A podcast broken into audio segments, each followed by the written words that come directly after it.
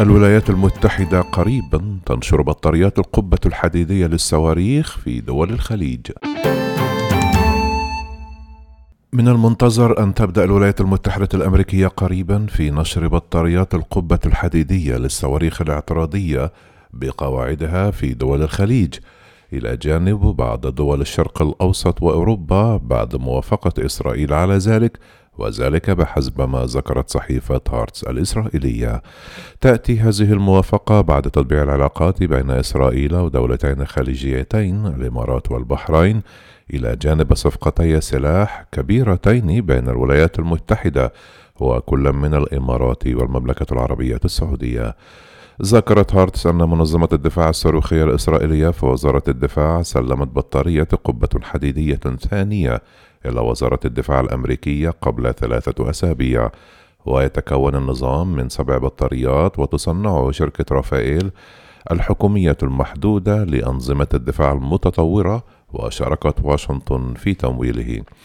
تقول مصادر دفاعية إسرائيلية أن الأمريكيين تسلموا أنظمة القبة الحديدية وأن الولايات المتحدة حصلت على موافقة كبار المسؤولين الإسرائيليين للبدء في نشر أنظمة الدفاع الصاروخي في القواعد العسكرية الأمريكية في عدد من الدول بما في ذلك الشرق الأوسط وأوروبا والشرق الأدنى.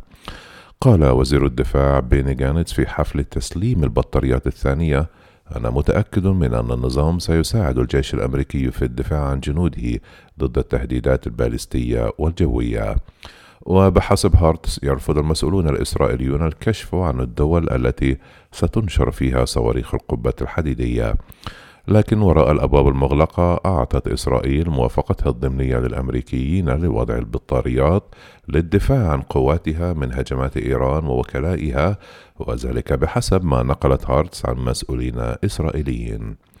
قال المسؤولون الإسرائيليون إنه إلى جانب دول الخليج من المتوقع أيضا نشر قوات في دول أوروبا الشرقية خوفا من أن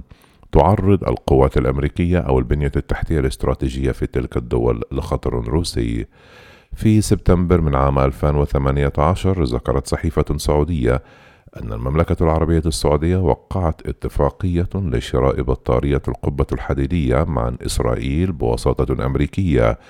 لكن وزارة الدفاع سارعت إلى نفي توقيع مثل هذه الصفقة بينما لم تنفي أن السعوديين طلبوا شراء النظام